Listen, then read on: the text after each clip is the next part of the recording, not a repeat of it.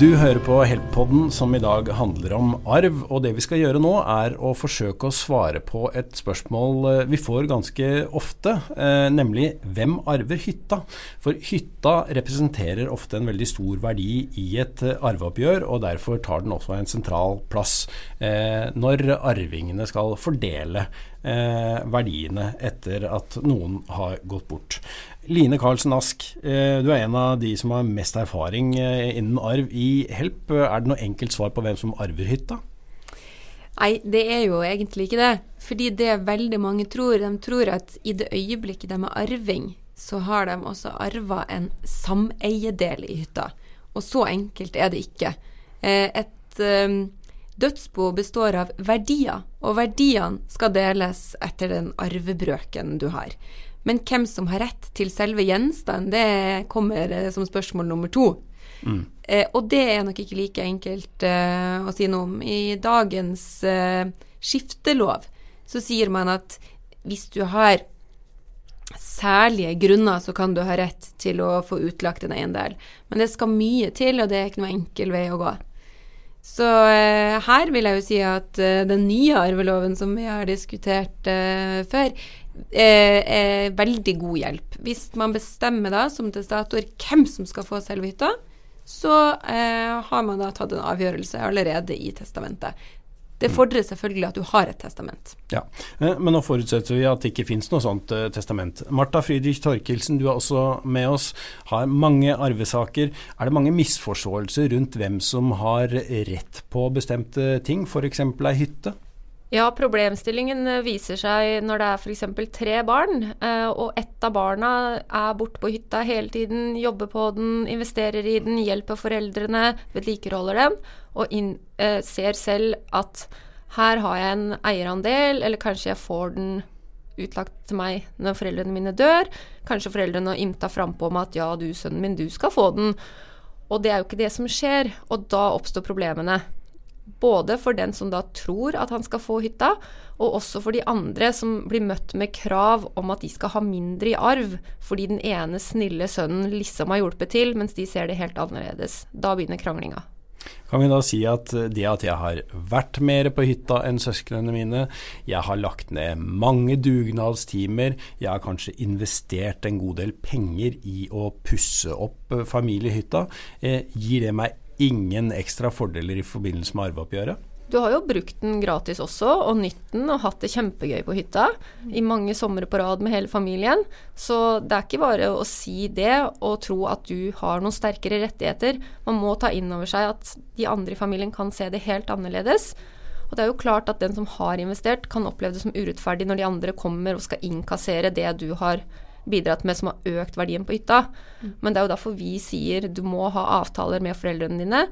Om de ikke ønsker å gi deg hytta, så kan du ha et gjeldsbrev. De kan si at dette er et lån, sånn at du får pengene tilbake når de dør. Eller så kan man sikre seg ved testament om at det er én person som skal få hytta når de går bort, mot å kompensere de andre f.eks. med en viss sum. Mm. Det blir lov etter dagens Jeg er helt enig med Martha. Det å ha en skriftlig avtale altså det, Et minimum av det du må ha, det er en avtale. Hvis du bruker 100 000 på å legge nytt tak på hytta til dine foreldre, gjør en avtale. Hva skjer med de 100 000? Skal du ha det tilbake? Skal du overta hytta? Snakk sammen. Ok. Um, skal vi forsøke å gi noen råd om hvordan man kan unngå arvekonflikter, for det oppstår jo tross alt uh, ganske ofte. Hva bør man snakke om? Jeg tror um, et viktig tips er at man ikke må tro man har rettigheter, og tilegne seg selv uh, de i for enkel grad som vi opplever. Uh, veldig mange ser det veldig ensidig at jeg har brukt mye penger, jeg skal ha. Du må hele tiden tenke hva får jeg ut av det, hva har jeg avtalt, hva er hensynet til f.eks. søsknene mine. Hvorfor er ikke de her? Se det litt bredere, og tenke at dersom det er noe du virkelig ønsker å ha, denne hytta f.eks., så må du snakke med søsknene dine og foreldrene dine og fortelle om hva skal vi løse, hvordan skal vi løse, hvem skal få, hvordan skal jeg få. Og jeg, jeg, tror det er noe i det at du kjenner ikke dine nærmeste før du har vært i et arveoppgjør med dem. Eh, det er litt hardt sagt, men sånn tror jeg virkeligheten er for mange. Mm. At uh, de tenker at ja, men uh, han Per og Lise har jo aldri brydd seg, de kommer ikke til å være interessert i hytta. Og så skal man eh, gjøre opp boet, og da er plutselig han Per og Lise kjempeinteressert. Så det å bare legge til grunn at og tro at eh, det anbefales ikke. Det er viktig å snakke sammen. Finn, legg en plan. Mm. Det som er 100% sikkert, er at det dødsboskiftet kommer.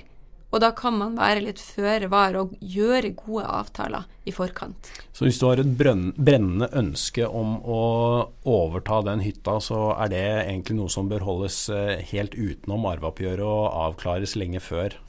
Det er jo det ideelle.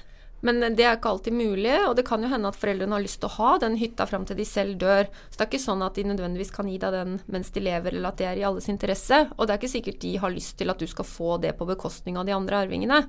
Uh, sånn at jeg tenker jo at det beste er jo å eventuelt testamentere den til f.eks. det barnet som har vært der mest, mot at de andre får en kompensasjon, og at den innsatsen det barnet har fått, trekkes fra f.eks. Og også at man ser hensynene til hverandre. Uh, fordi mange ringer, og så sier de at ja, men jeg har brukt mye tid, og nå skal de bare innkassere pengene. Og ser det veldig svart-hvitt. Og så sitter de andre på andre sida av bordet og sier jeg hadde ikke noen mulighet for å komme, men han har brukt mange somre der og hatt det kjempegøy. Så det er ikke sånn at vi skal innkassere. Vi føler det er urettferdig at han skal få alt. Mm. Og en annen side med det å arve hytta er jo også at veldig mange tenker ja, men vi kan bare eie den sammen. Og vår erfaring er at blir det flere sameiere, så, så, blir det fort problem. Altså Da må man være veldig flink å ha gode sameieavtaler, avtale om rydding, om dugnad, om kostnadsdeling. Um, har man en sameier som aldri stiller opp på dugnad og ikke rydder hytta når de reiser derifra, så har du det gående. Jeg tror det er viktig å tenke over hvor mange skal vi være i et sameie hvis det er målet. Fordi det er jo mye følelser knytta til hytta. Man har kanskje vært alle somre gjennom barndommen der, og det, jeg vil si at det er ofte mer følelser knytta til ei hytte enn en uh, enebolig. Mm. I det dere sier, så ligger det vel at eh, for at et sånt sameie, hyttesameie, skal fungere, mm. så krever det en viss raushet fra de involverte også, da.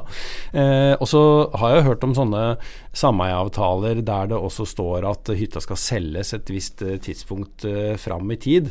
Men med, det, med tanke på det du sier om at man knytter seg sterkt følelsesmessig, så er kanskje ikke det noen sånn ideell løsning heller. Altså det, det er vanskelig å finne den optimale optimale løsningen her. Mm -hmm. Men jeg tror eh, åpenhet og som du nevnte i sted, raushet, snakk sammen. Men fremfor alt få det ned skriftlig, lag noen kjøreregler. Men nå eh, snakker vi om hvordan arvingene skal innrette seg for å klare å eie en hytte sammen. Men før vi kommer så langt, eh, hvordan kan foreldrene unngå at det blir konflikter etter at de er borte, om hytta, som jo typisk er det store man eier i en familie? Mm. Altså, jeg tenker at det viktigste er å snakke sammen. Og kalle inn arvingene sine, altså sine barn, hvis er foreldrene som er eiere. Kalle inn sine barn og spørre hvem er interessert. Hva ikke send doble i hvert fall. Det gjør noen foreldre. Sier litt sånn 'takk for at du hjalp meg, dette blir ditt'. 'Takk for at du hjalp meg, dette blir ditt'. Ja. Det går ikke. Og så helst hold partnerne utenom. Ja. Ta med bare arvingene. Og snakk litt om verdsettelsen, fordi noen ganger så er jo ikke arvingene uenige om hvem som skal overta, men de er uenige om verdien. Den som har jobba på hytta mener, og vil overta den, mener den er lite verdt, og innhenter en megler som sier én pris, og så innhenter de andre arvingene andre meglere som sier mye høyere pris, for de vil jo ha en større utløsningssum. Og der tenker jeg at for å bli enig, eh, forsøk test markedet, se hva markedsverdien er da føler i hvert fall alle at det er en pris som alle kan stå inne for. Legge den ut for salg, med andre ord? Ja.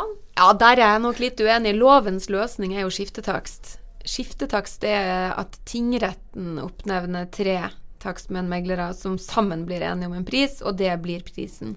Men da må du få den utlagt til deg, da. Da må du få den utlagt mm, til deg. Det er ikke nødvendigvis du får det. Nei. Nei. Og det koster jo det koster ca. 50 000. Nettopp. Så eh, det er klart at hvis man ikke Skiftelovens lovens løsning, hvis man ikke blir enige om hvem som skal overta, det er salg på det åpne markedet. Mm. Det er hovedregelen. Eh, et klart råd til foreldrene må jo da være at hvis de på den ene eller den andre måten har en bestemt oppfatning av hvilket av barna som skal ha hytta, så mm. skriv mm. testament. Helt riktig. Og den nye Absolutt. arveloven uh, gir jo da direkte adgang til det. Endelig. ja. ja. Så nå ser vi frem til å få litt mindre jobb på kontoret. ja, det tror jeg ikke. Men da håper jeg at dette ga litt større klarhet i hvilke argumenter som spiller en rolle i forbindelse med arveoppgjøret, og hvem som skal eie hytta, og hvilke argumenter som ikke gjør det. Takk for at du hørte på Help-podden.